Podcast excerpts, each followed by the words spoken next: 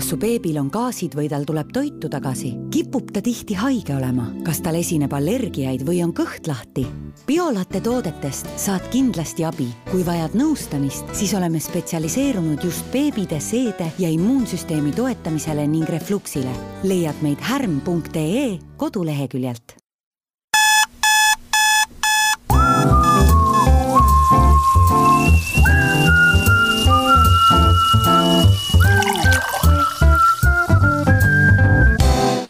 tere hommikust või hoopis tere päevast või tere õhtust, kallis kuulaja, millal iganes sul on võimalus täna meie Pere ja Kodu podcasti kuulata. mina olen saatejuht Tanel Jeppinen ja täna on mul saatekülaliseks siin stuudios imetamis- ja kogemusnõustaja Küllike Põlma. tere!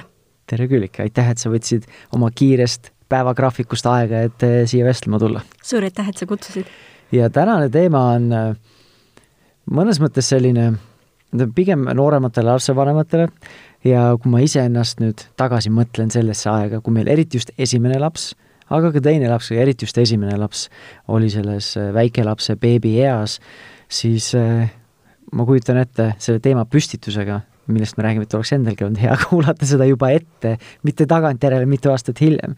et me räägime, selline üldine teemapüstitus on lapse immuunsüsteem, äh, eriti just selle areng esimestel eluaastatel ja siis sealt nii-öelda nagu tulenevad erinevad sellised murekohad, mis võivad tekitada ärevust, võib-olla ka abitust ja kõiki muid selliseid eh, emotsioone äh, lapsevanematel ja muud asjad või teemad, mis sinna sisse tulevad, on näiteks gaasivalud, koolikud äh,, funktsionaalne kõhukinnisus äh,, ka allergiad ja nii edasi. et on emotsioone tekitavad teemad lapsevanemale, eriti kes on esimest korda või puutub nende asjadega esimest korda kokku, võib-olla ongi, kui sul on teine või kolmas laps ka, nende esimesel kahel ei olnud näiteks eh, neid probleeme, aga nüüd on, on koolikud ja laps nutab palju ja ei saa ise sellega hakkama, ei saa last aidata ja võib-olla ei saa enam iseenda emotsioonidega ka hakkama, sest nagu enda närvid on üles krutitud. et eh, saad sa natukene ise võib-olla sissejuhatavalt natukene avada seda teemat eh, üldse selle immuunsüsteemi kontekstis ka, et kui nagu, on need nagu paratamatus, on see siis välja mõeldud mingid murekohad, koolikud näiteks, ja nii edasi? Äh, kõigepealt äh, minu kogemus saab alguse kümme aastat tagasi, kui ma sünnitasin siia maailma imelise lapse, kellel oli siia ilma sünd üks kuu varem. ehk siis ta sündis siia ilma enneaegsena. Eelnevalt olin ma käinud erinevatel koolitustel, väga huvitav oli kõiki neid koolitusi lugeda, küll aga nendel hetkedel, kui ma neid koolitusi lugesin, ei kujutanud ma ette, mida tähendab sünnitada enneaegset last ja mida tähendab imetamisraskused. ehk siis minu nii-öelda see teekond äh, tänasesse päeva on saanud alguse just sellest kogemusest. et tänu sellele ma olengi siis täna, tänaseks kogemusnõustaja ja ma olen ka tänaseks imetamisnõustaja, sellepärast et äh, äh, minu teadlikkus oli väike kümme aastat tagasi ja ka minu imetamine ebaõnnestus. küll ma andsin oma lapsele kümme kuud rinnapiima. ehk siis äh, need hirmud, see sünnitusjärgne depressioon, mis seda siis enneaegne, enneaegse lapse sünd mulle nagu andis, äh, viiski selleni, et ma ebaõnnestusin. Mis see tähendab, imetamine ebaõnnestus? Äh, kui sa ütlesid, et sa kümme kuud imetasid, kuidas ma ei see... öelnud, et ma kümme kuud imetasin, ma andsin talle rinnapiima okay.. no näed, ehk siis juba selline jah, ehk siis äh, äh, kui sünnitad enneaegse lapse, siis äh, hästi oluline on, milline see on, milline on tema elutee algus et äh, minul oli nagu selles suhtes eelisseisus, et ma sünnitasin hilisenneaegse lapse. Äh, küll aga ta oli väga laisk imeja ja kuna tema veresuhkru tase ei olnud selline, nagu tegelikult äh, väikestel lastel olema peab, samuti ta ei jõudnud imeda nii palju rinnast, siis minul tekkis hirm, et ta ei saa tol hetkel piisavalt minu rinnast kätte, et ma pidin kontrollima seda. ehk siis, et ta ellu jääks, ma pidin teadma, kui palju ta sööb. ja selleks oli lihtsam, lihtsam viis välja pumbata rinnapiim ja anda talle. ma nägin reaalselt, palju ta sõi. tänaseks äh, ma olen just äh, imetamisnõustamiselt äh, suunatud enneaegsete emade toetamisele, et nemad samad rada ei lähe. ehk siis, et maandada see hirm, kui nad on juba koju jõudnud ja kui nad kas siis hakkavad last nagu rinnal alles harjutama või siis nad on lapse juba rinnale saanud, et ei tekiks neid hirme mm..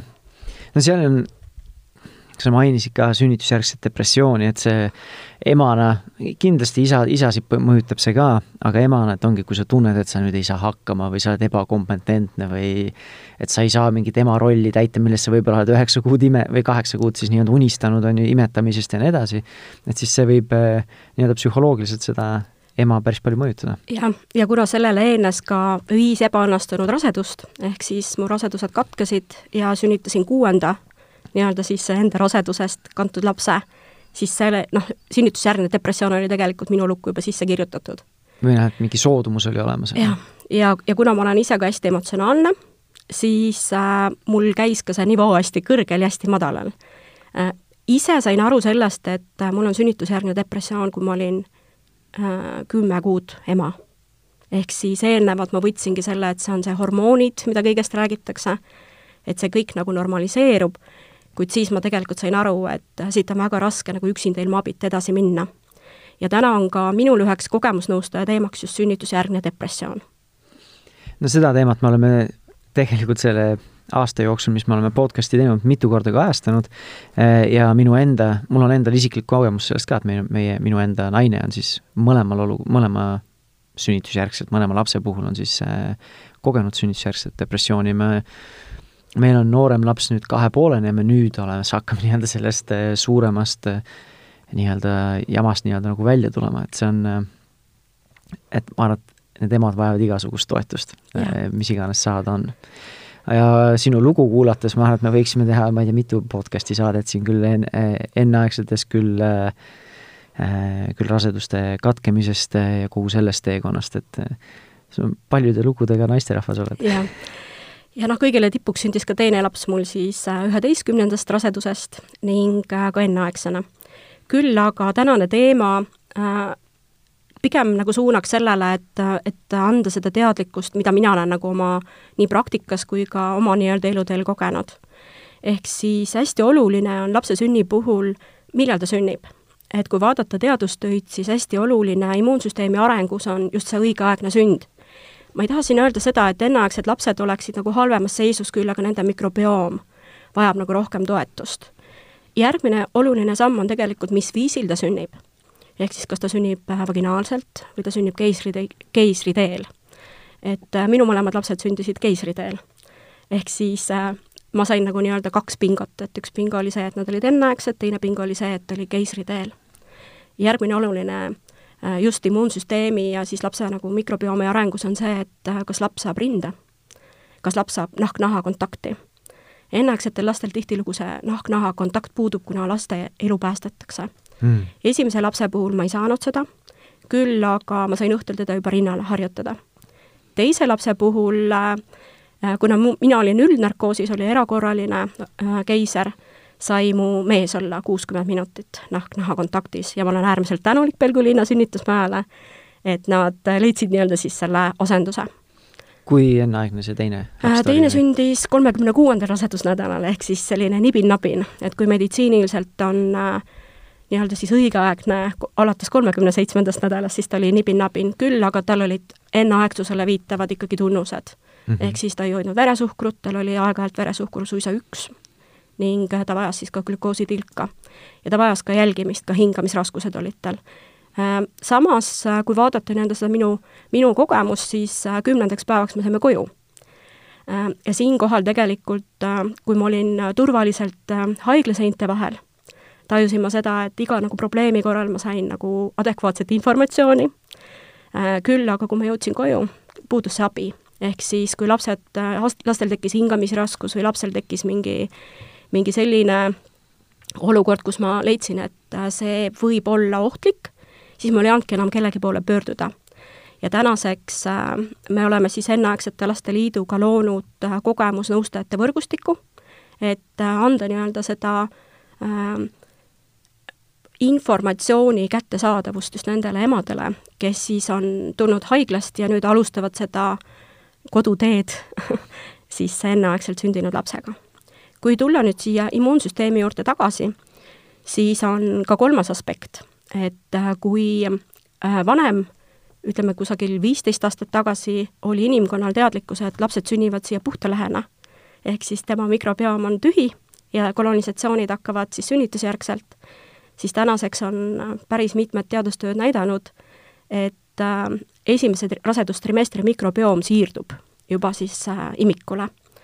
et äh, siinkohal siis äh, on kolmas, tähendab neljas aspekt see, et äh, immuunsüsteemi arengus on hästi oluline, kas ja milline oli ema tervislik seisund just raseduse esimesel trimestril. et äh, siinkohal kutsun äh, kutsun emasid nendele instinktidele all, alla andma, et kui tekib ikkagi hapukurgiisu, siis see on puhas viide sellele, et äh, fermenteeritud toit võiks olla nagu suuremalt jaolt toidulaual et mm. taastada see mikrofloora mitmekesisus. Aga kui nüüd on suur jäätiseisu, mis seal taga siis on? ei, kõike võib, aga mõistlikkuse piires. et seda, seda kahjuks või õnneks me siis äh, sellisel viisil äh, lapse mikrobiomi ei, edasi ei anna, aga si-, noh, minu sõnum pigem oligi see, et tihtilugu me pärandame enda nii-öelda sellise kesise mikrobiomi oma, oma lapsele. et kaheksakümne viiendal aastal juba ütles Yves Delat Äh, see on siis äh, Prantsuse mikrobioloog, et meie immuunsüsteem on seitsekümmend protsenti soolestikus. ehk siis äh, hästi oluline on see, just need etapid, mis ma siin ära nimetasin, et äh, ajahetk, millal sünniti äh,, kuidas sünniti, kas on olnud rinnast toidetud laps ning kas äh, vanemad, või mitte vanemad, aga just siis ema äh, mikrobioom on olnud siis äh, mitmekesine mm. -hmm no tänapäeval tundub, et see jõuab järjest rohkem ka siia nii-öelda peavoolu teadlikkusse, see soolestikuse olulisus üldse, no immuunsüsteemis, aga üldse tervise, tervise koha pealt. aga need eh, neli, no mina, kui ma paneksin nimetamine ja nahk-naha kontakte eraldi, siis ma sain isegi nagu viis asja, et ema tervislik seisund raseduse ajal, sa ütlesid eriti just esimese trimestri ajal. jah, et siis toimubki see kolonisatsioon siis see sünnituse aeg nii-öelda mitte tähtede seis aga just, et kas ta on enneaegne või, või äh, mis see, kuidas on õigeaegne? ongi õigeaegne, okay. jah. siis sündimisviis, on ta keiser, on ta vaginaalselt ja siis imetamine ja nahk-naha kontakt, nendest äh, nii mõnigi asi tegelikult ei allu meie enda kontrollile. et äh, ema tervislik seisund mm, või nii-öelda üldse eluharjumused, eriti kui sa veel avastad selle äh, raseduse hili, hiliselt, siis väga palju võib-olla enam nagu teha ära ei saa, et siis on nagu mingil määral paratamatus yeah.. loomulikult sellest hetkest edasivaatavalt sa saad enda äranägemise järgi tervisliku eluviisi järgida, on ju. Äh, see sünd, eriti kui ta on erakorraline keiser, siis nagu paraku ei allu meie kontrolli alla. Äh, äh, seal loomulikult on ka nii-öelda valikud, et kas keegi tahab ise sünnitada või tahab ise valikuliselt teha keisri, on ju.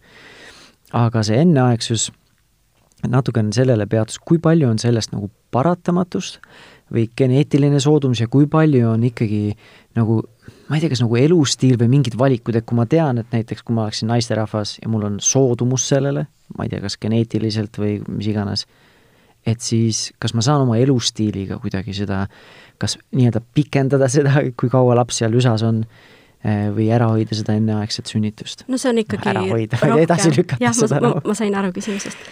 ehk siis tegelikult äh, me võime seda soovida küll aga mina isiklikult arvan, et teatud äh, riske me maandatud ei saa sada protsenti kontrollida seda ei saa, aga võib-olla natukene mingite hoobadega saame mõjutada võib-olla seda. et kui vaadata, et esimene laps mul sündis natuke varem ja teine sündis hiljem, siis noh, siin oligi teadlikkus.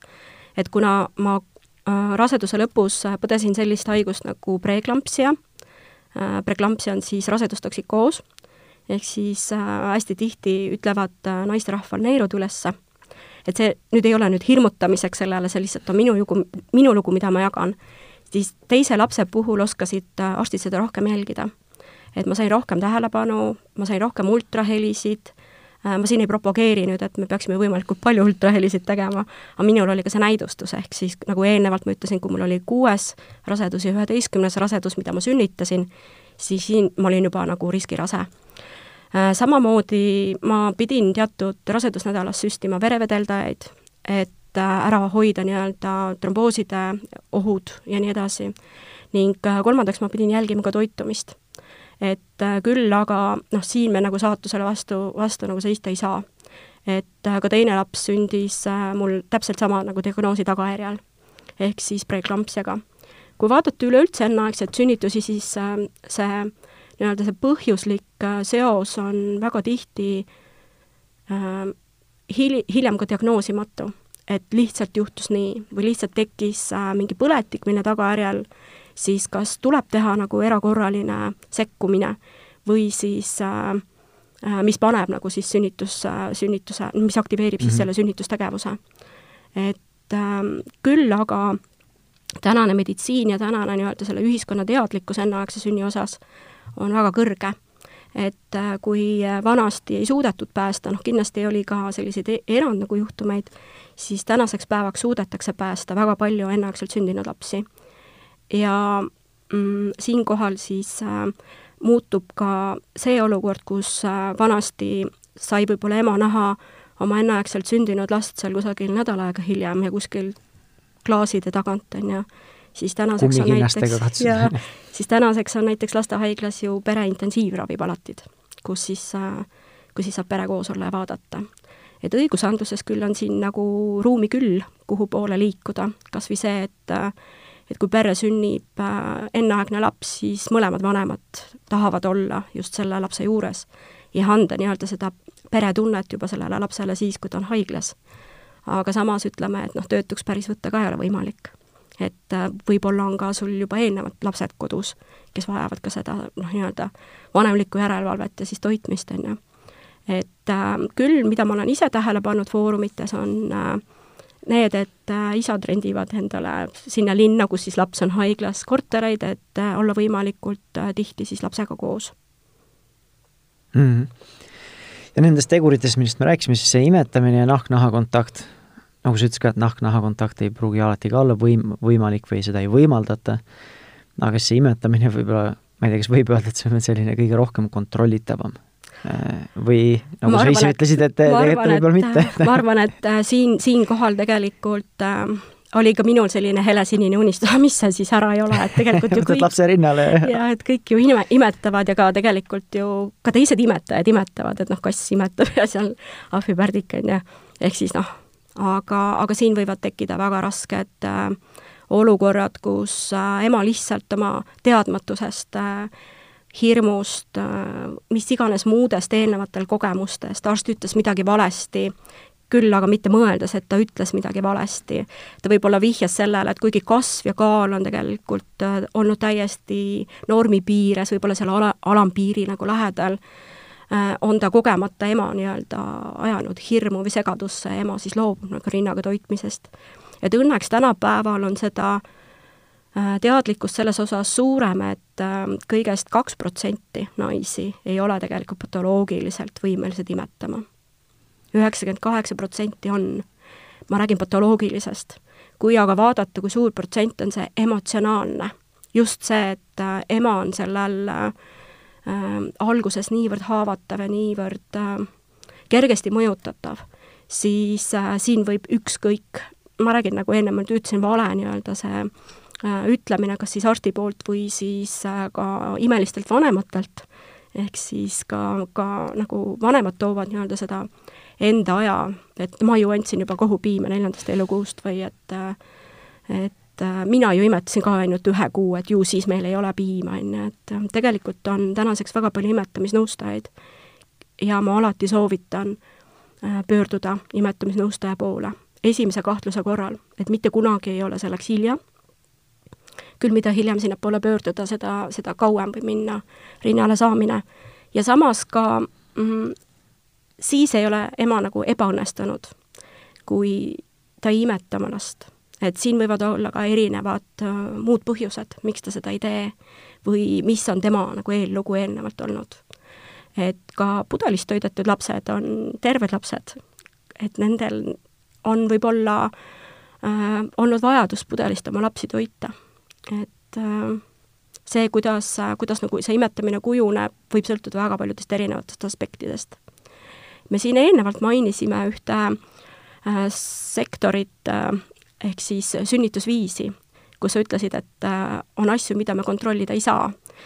siinkohal näiteks vaginaalsünnitus ja keisrisünnituse käigus on küll seda prakti-, praktiseerivad väga vähesed haiglad, on võimalik teha ka vaginaalkülvi nendele lastele kes siis sünnivad keisrilõike teel.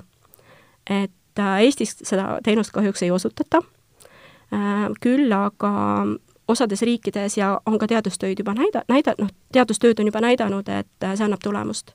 et kui vaadata äh, keisridel sündinud ja siis vaginaalselt sündinud beebide mikrobiomi, siis osad teadustööd näitavad, et ka seitsmendaks eluaastaks ei ole jõudnud mikrobiomis toimuda sellised muudatused, mida on siis vaginaalsel sünnil nagu toimunud. et selline vaginaalne külv Äh, annab äh, selleks ajaks üks kuu, ehk siis ühe kuu möödudes on need mikrobiomid juba sarnased. et äh, võib-olla siis tulevikus, kui see teadlikkus nagu tõuseb ja kõik need ohud, mis sellega võivad kaasneda, ka siis elimineeritakse, teostatakse neid ema soovil siis võib-olla tihedamini. et kui ma olen antud vestlustel rääkinud erinevate äh, Äh, gümnakoloogide ja erinevate ämmaemandatega, siis siin on samamoodi ka Eestis, et äh, osad ütlevad, et aga antud äh, meetodiga me ju kanname ka patogeene, et lapsele peale. küll aga keegi ei eemalda vaginaalsünnituskäigus neid patogeene sealt seest, on ju. ehk siis vaatame, mis tulevik toob mm. -hmm see on, minul on nagu täiesti uus asi, mina pole varem sellega kokku puutunud, et õnneks ma ei ole väga sari sünnitaja ka olnud ja minu naine on kaks last sünnitanud, et aga kui me lähme spetsiifilisemalt nende, nende murekohtadega äh, juurde, äh, mis võivad sellega kaasa tulla, need gaasivalud, need koolikud, võib-olla allergiad, funktsionaalne kõhukinnisus, et kuidas need asjad siis sinna siin mängu tulevad, needsamad asjad, millest me rääkisime, nahk-naha kontakt, imetamine, sünnitusviis, enneaegsus, õigeaegsus, ema tervislik seisund ja nii edasi mm. -hmm. kas on mingeid konkreetseid seoseid? otseseid seoseid on, sellepärast et mikrobiomi muster on erinev et äh, kui mikrobiomis ei ole toimunud äh, teatud nii-öelda kas siis immuunvastused või teatud reageeringuid, on ka koolikud kergemad tulema. et äh, minu enda praktika näitab seda, et tihtilugu iga lapse nii-öelda pinges olek, vibusse ajamine, nutmine äh, seostatakse nii-öelda koolikutega ja mida, mida rohkem ma olen, olen imetamisnõustajana neid nõustanud, siis seda rohkem ma olen aru saanud, et hästi tihti ei olegi tegu ei gaaside, ei koolikutega. küll aga võib olla tegu üleväsimusega, äh, võib olla teha, tegu sellega, et äh, laps on näljane, et teda pannakse küll äh, tihti rinnale, aga näiteks kui laps väsib rinnal, ta jääb puhkama, siis ema eeldab, et nüüd on nagu imetamiskord läbi ja lõpetab selle ära või siis äh, siin võivad olla ka reflukshaigus, mis annab nagu kusagil esimesel elukuu, teise elukuu lõpus juba tuntavalt märku lapse puhul, on ju. et äh, minu praktika näitab seda, et esmalt äh, ma lasen emal teha mingid teatud muudatused tema nii-öelda lapse jälgimisel ja äh, vaadata siis, kas äh,, kui see nüüd tulemusi ei anna gaasidele, siis äh, ei ole tegu gaasidega, ehk siis äh, mina võin julgelt täna öelda, et üheksakümmend viis, seitse protsenti minu poole pöördunud emadest äh, äh, annavad oma lapsele nii-öelda vale diagnoosi, ehk siis tegu ei olegi gaasidega. Et, no ilmselt ema ei saa päris diagnoosi ka anda, aga mure murekoht on kindlasti mm -hmm. olemas ja, ja mul on ka nagu lahendused olemas. et äh, põhiline probleem ja põhiline nii-öelda olukord, kuhu meie nõustamiste käigus jõuame, on reflukshaigus et reflukse on nagu kahte erinevat, üks on siis varjutud, varjatud refluks, ehk siis lapsel ei tule söögikorra järgselt või siis söögikorra ajal või ükskõik mis hetkel piima tagasi, küll aga äh, varjatud refluksi puhul laps neelatab rohkem, no see on selline üks nagu tüüpilisemaid tundemärke, küll aga äh, see on piisav, et äh, mingi hetk äh, söövitab mahappe lapse äh, limaskesti ehk siis söögitoru limaskesta ja lapsel äh, tekib äh, valu. et äh, refluksi puhul, mis on hästi olulised tundemärgid, ongi, ongi need, et pikali olles, kui on laps kauem pikali, hakkab ta nutma või siis rinnal olles hakkab ta ühel hetkel kiljuvalt nutma. et noh, me praegu ka siin ei saa neid kõiki aspekte välja tuua, küll aga seda me oleme siis koos gastroenteroloogide ja siis ema nagu jälgimisel saanud ka siis nagu tuvastatud et äh, gaasid äh, iseenesest on meie normaalne keha nii-öelda funktsioon, küll aga koolikud on need, millele tuleb tähelepanu, tähelepanu pöörata. et koolikud äh, reeglina siis avalduvadki see õhtune, igaõhtune kella kuuest kuni kella kaheteistkümnest nutt, kus see nutt ei allu ka sellele, et ema võtab lapse sülle. et minu jaoks näiteks esimene tundemärk on see, et kui laps pikali olles nutab ja ema võtab sülle ja see nutt nagu rahuneb, siis kohe kindlasti ei saa tegu olla koolikutega. et äh, siin äh, noh, tuleb leida neid muid aspekte. et äh, mis veel võivad avalduda sellisel viisil, on ka lihaspinged. et teatud riikides näiteks sünnitusjärgselt vaatavad ema, vaadatakse siis lapsi üle ka erinevad teised spetsialistid lisaks pediaatritele, on ju, vaadatakse üle just neid lihastoonuseid, tihti nii kiire kui ka aeglane sünnitus või siis ka keisersünnitus jätab ära teatud noh, kas või see, et kui vaginaalselt laps sünnib, siis ta teeb vastavaid liigutusi kaelaga ja ta vabastab nii-öelda kaelapinged, on ju, keisrisünni teel seda ei ole. Ja tihtilugu näiteks imetamisnõustamise käigus äh, selgubki seda, et näiteks kukal on kangem, suu on äh, lapsel äh, kuidas siis öelda, et lihased ei ole nii pinges, nagu peaksid olema ja see imemisvõte ebaõnnestub ehk siis, siis tulebki nagu leida seda kas siis füsioteraapia näol või siis massaaži näol, et lapsi aidata, aga tegu ei ole gaasidega. et kui on tegu gaasidega, siis äh, minu jaoks kõige lihtsamaks ja ma võin julgelt öelda et, et äh, sada protsenti äh, toimivamaks viisiks on see, et ema enne igat imetamiskorda paneb oma beebi kõhuli siis pehmele pinnale, mitte maha, sellepärast väike laps ei hoia oma pead ja insti-, ja mõjutab tema seda sünniinstinkti roomama. et antud tegevus äh, tegelikult aktiveerib äh, äh, soole peristaltikat ja aitab nii-öelda seda gaasi sealt välja ja see tegelikult ennetab koolikuid. et see on üheks nagu selliseks toimivaks nipiks mis veel nagu emad teevad tihti, on see, et iga õhtu väga hilja nad vannitavad ja laps väsib üle ja selle järgselt äh, väga raske last saada rinnale või siis vastupidi, väga raske on teda magama saada. et äh, ehk siis imetamisnõustamise käigus tuleb tegelikult äh, välistada kõik need muud asjaolud ja kui on gaasid, siis tegeleda siis nende gaasidega et mm. see olukord on palju raskem ja see tundub kui... nagu see juba raketiteadus, et no mitte nagu, et ta on nii keeruline, aga tegelikult kui palju erinevaid tegureid mõjutada, jaa. üks asi, mis nagu silmaga nähtavalt on täiesti arusaadav, et ongi, et kui laps on üleväsinud, ta võib-olla ei jõua või ta ongi nii-öelda nagu üleväsinud, et tal ei hakka see uni enam tulema või see vannitamine, on ju, aga siis nagu täiesti minu jaoks teisest dimensioonist on see, et tal on äkki kahel pinges ja ta ei saa imeda, on ju. või tal ei ole mingeid liigutusi teinud ja tal, ma ei tea, või kui ta teeb mingeid liigutusi, siis tal aktiveeruvad mingid protsessid soolestikus. ehk siis ütleme, et see ongi tegelikult äh, selline äh, tuvastus, välistusmeetod, et mida, mida nagu teha ja ja nagu ma pean siin emasid kurvastama, et alati ei jõuagi sellele tulemusele, et ähm, sa oled ise kahe lapse ema ja sa, ema, isa mm, -hmm. et sa oled ise kahe lapse isa ja sa tead, äh, kui, äh, kui toredalt need murekohad muutuvad. et äh, mingid kuud on üks hästi suur murekoht ja siis järsku see laheneb ja sa arvadki, et oh, nüüd tulebki see ilus ja rahulik periood, kui tuleb järgmine murekoht, on ju. no sinu, sinu juttu kuulates ongi see, et loomulikult, kui ma mõtlen tagasi mingeid spetsiifilisi perioode, loomulikult oli olukordasid, milles mõlemad abikaasaga vaatasime otsa nagu ma ei tea, mida teha, nagu yeah.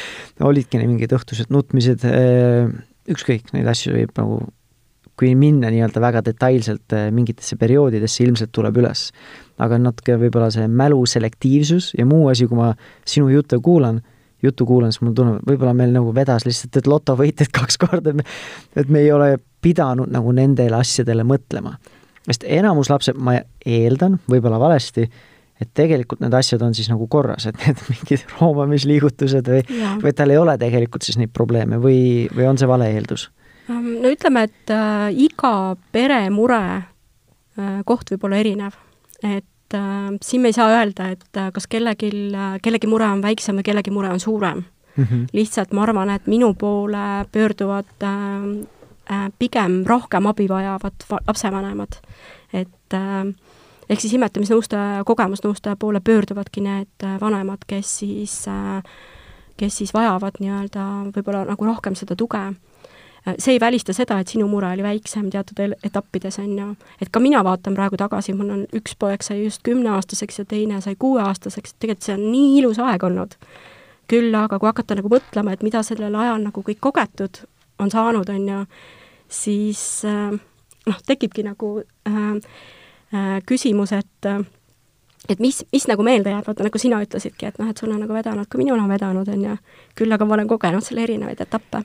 ja võib-olla siis on see sama see inimloomus, et millesse nagu sa kinni jääd, kas sul jäävad need negatiivsed kogemused meelde või siis sa pigem nagu püüad meenutada neid teisi asju. Aga selles samas hetkes ongi, kui sul juba teist õhtut see laps karjub sul seal, ta ei saa hakkama ja siis noh, mina ise olen võrdlemisi teadlik lapsevanem, olen ise lugenud, õppinud, olen praegu ka vanemlusmentor, aga just kasvatusteemadel, et siis nagu püüad meenutada, et jaa, et just nende gaasivaludega või nende ma ei tea, siis hirmused või mõtted, äkki see on või äkki nüüd on koolikud või mis iganes. Et siis proovid nagu meelde tuletada seda, et nagu, et see nutmine on selline psühholoogiline ja mõnes mõttes ka füsioloogiline selline tervenemise ja rahunemise protsess, on ju, et ühelt poolt on see, aga siis teiselt poolt tuleb see hirm, et nagu aga, aga kus läheb nagu toksiliseks, et kui ta tõesti nagu, see muutubki selliseks, mis üleliigselt tekitab neid stressihormoone, et et nagu kus ma selle piiri tõmban, et kus ta on nii-öelda tervendav protsess, kus ta muutub toksiliseks protsessiks ja siis tuleb veel kolmandast kuskilt mujalt või keegi teine vanavanem või kuskilt mujalt guugeldada, et nüüd äkki on koolikud, need, need ma ei tea, hästi hirmsad koolikud ja nii edasi, et et selles samas olukorras on vahepeal raske võib-olla seda selget pead hoida või üldse nagu aru saada ja asju konteksti isegi panna ma olen äärmiselt tänulik, et sa selle teema praegu siia sisse tõid. ehk siis äh, äh, kui nüüd äh, mõelda nii-öelda sellele hetkele, kus see vanem on, on ju, ja kus ta nagu ei saa aru, ta on segaduses, tal ei ole võib-olla kogemust, see on tema esimene laps, ta ei ole kindel selles, et kas see, et ta nüüd nutab, on see, et ta on haige või temaga on midagi viga, järsku ma pean nüüd arsti kutsuma, et noh, tegelikult need mõtted on ju läbi käinud esimese lapse puhul, ma arvan, kõikidel lapsevanematel, on ju teise lapsega sa, teise lapsega sa juba oskad selekteerida, et äh, minu jaoks nagu hästi selline silmi avardav kogemus tegelikult oli see, et äh, kui ma olin oma esiklapse ära sünnitanud, siis minu palatis, noh, mina, mina küll ei olnud lapsega ühes palatis, aga minu palatis oli üks ema, kes sünnitas oma neljandat last. ja tegu oli sellise kogenud emaga, kes äh, ei reageerinud üldse teatud nuttudele, et alguses ma ei saanud aru, et mis mõttes ta nagu ei reageeri, et tal laps kõrval nutab ja ta nagu ei reageeri sellele, on ju, et ma küll nagu jookseks ja ma ei tea, mis ma teeks ja mul oleks nagu paanikaosakond. küll aga vesteldes temaga ma sain aru, et ja ma hakkasin jälgima, et need nutud on erinevad.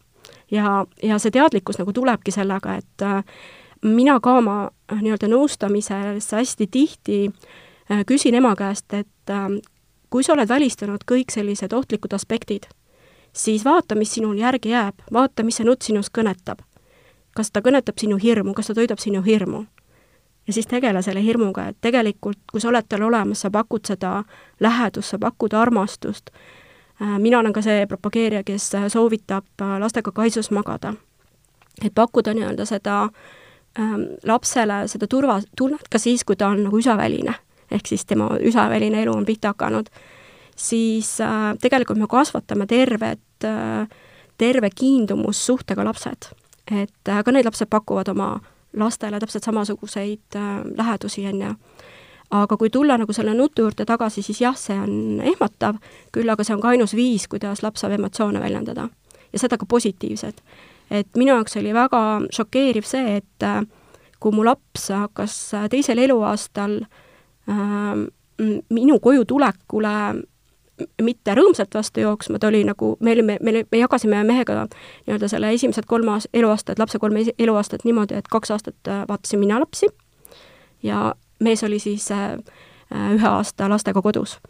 et ta oli ju turvaliselt oma kodus, ta oli omaenda isaga, aga kui mina koju tulin, siis selle asemel, et rõõmustada, ta nuttis ja karjus, ta peksis mind, ta saatis mind tagasi sinna, kust ma tulen ja ühel hetkel ma sain aru, et see oli tema väljendusviis sellele tema nii-öelda selle turvalisele nii-öelda äh, elule, mis tal siiani oli.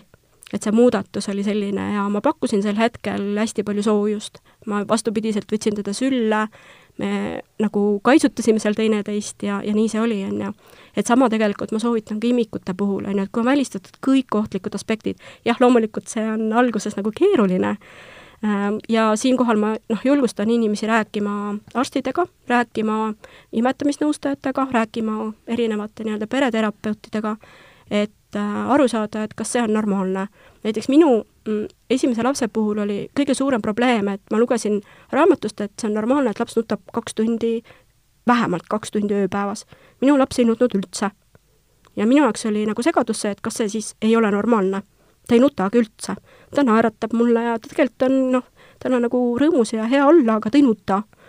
et ähm, noh, järgmise lapse puhul ma sain aru, et see ongi tegelikult normaalne, ta ei peagi nagu kogu aeg nutma, on ju. et äh, see, mida tegelikult äh, meile internet pakub, on äh, nii ja naapidi vaadeldav, et korter rahustab meid maha ja vastupidiselt siis pakub ta meile nii-öelda neid lisapingeid, on ju. et mm -hmm eks kindlasti on niimoodi, et sa võid leida, lei-, eriti kui sa ise oled veel ärev ka, et et siis äh, leiadki iga sõna kõlksu, võtad nagu, oled ülitundlik iga, iga sisendi poolest ka, et saad mingi sisendi, mingi asi, aa, ma olen seda näinud enda lapsel ja nüüd võimendad seda reaktsiooni üle. aga räägime nüüd selle järg-, teise teema suhtes, eriti kui me räägime sellest immuunsüsteemi arengust, et näiteks allergiad äh,. allergiline võib olla peaaegu vist ükskõik mille vastu, et äh, isegi emapiimaga sa keegi toit, ma ei tea, imetab, saab rinnapiima ja siis löövad mingid lööbed välja, ma mäletan esimeses, esimese lapsega see oli, sa hakkad juba muretsema, et äkki ma ei tea, peaks midagi toit, toitumises muutma naisele ja nii edasi. et kuidas need allergiad on seotud siis sellise normaalse immuunsüsteemi arenguga ja mis kohas nad on siis problemaatilised või murettekitavad või tähelepanu nõudvad? et äh, jah, et sa tõid siia sisse nagu sellise õige võrdluse, et äh, tegelikult see kõik on seotud meie mikrobiomiga et kui meie mikrobioom on mitmekesine, siis tegelikult äh, probleeme iseenesest ei teki. et neid probleeme võivad tekitada väga erinevad asjad. kas see, et näiteks ema on sünnitusel saanud ravimeid, antibiootikume näiteks, on ju, või sünnituseelselt pigem noh, mõjutab nagu rohkem, on ju, või siis laps on sünnitusjärgselt, on ju, et minu näiteks esimene poeg vajas nagu sünnitusjärgselt antibiootikume ja see kindlasti mõjutas äh, väga oluliselt tema mikrobiomi, on ju. et ähm, samamoodi võivad äh, erinevaid reageeringuid põhjustada äh, mis iganes asjad, näiteks kas või see, et äh, kui tehagi teatud lastele näiteks ei mõju, mitte et ei mõju, aga ei sobi igaõhtune vann. Et äh, sa teed iga õhtu vanni, sa mõjutad lapse normaalset nii-öelda seda keskkonda ja nahk hakkab kuivama, ta hakkab kestendama, sinna tekivad ka erinevad ärritusnähud, on ju. et sellisel viisil ongi minu üheks soovituseks, less is more. et äh, mida harvem sa nagu laps, last sellisel viisil pesed, et noh, niikuinii sa pesed ju strateegilised piirkonnad iga nagu mähkimisvahetusel kui aga kas huvi, huvi pärast lihtsalt, et kas see vannitamine ise on siis võib-olla see murekoht või see, kui ma nüüd tõesti seebid või seebivahuga teda hullult tegelikult paljudel äh, beebidel võib mõjutada ka just see vesi, puhas vesi mm., et ta kuivatab ikkagi nahka. Ja kui vaadata nii-öelda seda allergiat äh, esinemissagedus, siis just selline talvine kütteperiood, kus see õhk on niigi kuiv ja sa veel kuivatad nii-öelda seda, sa mõjutad nii-öelda seda naha loomulikku barjääri just selle ka veega, on ju, et noh, seepidest rääkimata. et mina näiteks pesen ka praegu kuue ja kümneaastast last põhimõtteliselt puhta veega, on ju. et vajadusel, noh, loomulikult me kasutame ka vastavaid nii-öelda vahendeid, on ju. Mhm. no ma mäletan enda teismeeast, et oota, kuni teismeliseks saad, kui sul, eriti kui sul poiss on. jah, jah, et äh, aga jah, ehk siis äh, vann võib kuivatada nahka äh,, küll aga vann ei põhjusta allergiaid. Ehk siis äh, äh tihtilugu äh, kui on see nahk kuiv, siis ta võib avalduda sellisel viisil, et noh, emal võib tekkida hirm, et mis see nüüd see, see siis on, on ju. jah, sa tõid ka ühe aspekti sisse, et äh, laps võib reageerida ka ema piimas olevatele toitainetele. Mina siinkohal noh, tooksin välja kindla kriteeriumi, et allergia tekib alati valgule, ükskõik mis valgule. et sellisel juhul, kui minu poole pöördub ema, kas ta siis kahtleb lapsel nagu allergiat või siis äh, Äh, lapsel on juba tuvastatud allergia, noh siis on ju lihtne, et kui lapsel on tuvastatud allergia, siis ema lihtsalt peab neid äh, toite vältima, on ju, küll aga mm, mina olen see terapeut, kes hoiab ema nagu toidulaua hästi mitmekesisena. et äh, kui minu poole pöörduv ema toitub tatrast ja kanast, mis on nagu arvatavasti kõige vähem nii-öelda allergeenne, allergeensem toit, on ju, siis minu nagu esimeseks eesmärgiks on hakata nüüd ema äh, Äh, toidulauda suurendama, et äh, kui emal on julgus tuua sisse toitainete grupid, kui mitte, siis äh, tuua sisse ühe toidukaupa nädalas. et see annab juba tulemust nahale, et kui ta tõi vale komponendi sisse, siis see ka reageerib, on ju. et äh, allergiad, mis on äh, sellised kahtlased, et äh, noh, näiteks minu teine poeg, mul oli vahepeal tunne, et ta reageerib absoluutselt kõigele. Noh, minu arust ei olnud mitte ühtegi asja, millele ta ei reageeri, siis see tegelikult näitab põhimõtteliselt, et ta menüüs võib olla üks toiduaine, mis hoiab nii-öelda seda fooni üleval. Ja ta reageeribki erinevatele nii-öelda valkudele. et põhiline, mis ma ise nagu tähele panen oma praktikas ja olen tähele pannud ka siis oma laste puhul, on mandariinide hooaeg.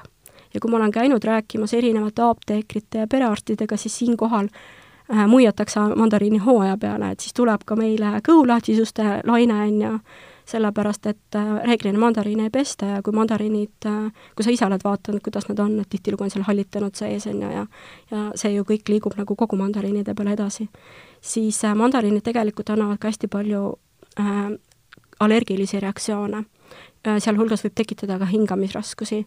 ja kui ma analüüsin näiteks äh, imetamisnõustaja või toitumispäevikuid emal, on ju, Äh, ma näengi, et ahaa, et äh, nüüd on tekkinud nii-öelda allergiate ägenemine ema menüü, müüsse on sisse tulnud näiteks äh, mandariinid, on ju. ja ega ei sööda ju üks, kaks, kolm mandariini, süüakse ikkagi kilo, on ju, nad on nii maitsvad. et äh, tihtilugu jah võib ematoit mõjutada. küll aga äh, võib mõjutada ka keskkond, kus laps elab. et äh, keskkonnas võivad olla loomad võivad olla linnud võib olla ka olukord, kus näiteks äh, üks loom ei mõjuta, aga kui selles äh, kodus näiteks on kolm-neli looma, siis see juba mõjutab, on ju. et äh, väga väikestel lastel on väga keeruline seda allergiat tuvastada äh, testimisviisidel, on ju, et ka arstid soovitavad pigem välistust.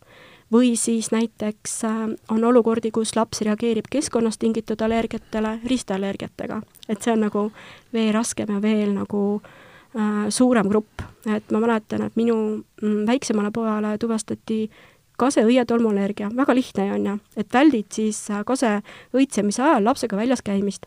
ja siis järsku andis mulle allergoloog A4 lehe kätte, kus oli seal viiskümmend erinevat äh, toiduainet, et millele tal võib olla ristallergia. vot see juba tekitas minus nagu hirmu, et kas ma nüüd siis pean kõik menüüst välja võtma või kuidas nagu siit edasi minna et äh, see allergiate teema on jah keeruline see, see juba paneb mul aju tossama, et kui sa räägid, et mingid ristallergiad ja, ja nii edasi või no kui sa ütlesid, et väikelaste puhul on ennetus on kõige võib-olla efektiivsem, aga kui neid asju, mida testida, on nagu nii palju, et siis see tundub nagu tõesti, ma ei tea, tee doktoritööd sellest enda ja. lapsega. kas üldse nende allergiate puhul on äh, noh, kindlasti on, kui sul on immuunsüsteem on rohkem stressi all, siis äh, sa oled tundlikum nendele asjadele, sest su keha või loomulik vastupanuvõime on mingil määral nagu kompromi-, kompromissi, kompromiteeritud või kuidas iganes öeldakse, et et äh, kuidas äh,, mis sellega nagu üld-, kuidas toetada seda immuunsüsteemi arengut, et ta oleks natukene võimekam kogu selle stressile, mis ta võib siin keskkonnast või, või toitumisega saada et kui vaadata teadustöid, siis tegelikult tänaseks päevaks on ikka väga palju teadustöid tuvastanud, et äh, allergiate algpõhjus on meie seedesüsteemis. ja reeglina on äh, siis ka nende heade piimhappebakterite äh, mm, kolonisatsioone vähem seal.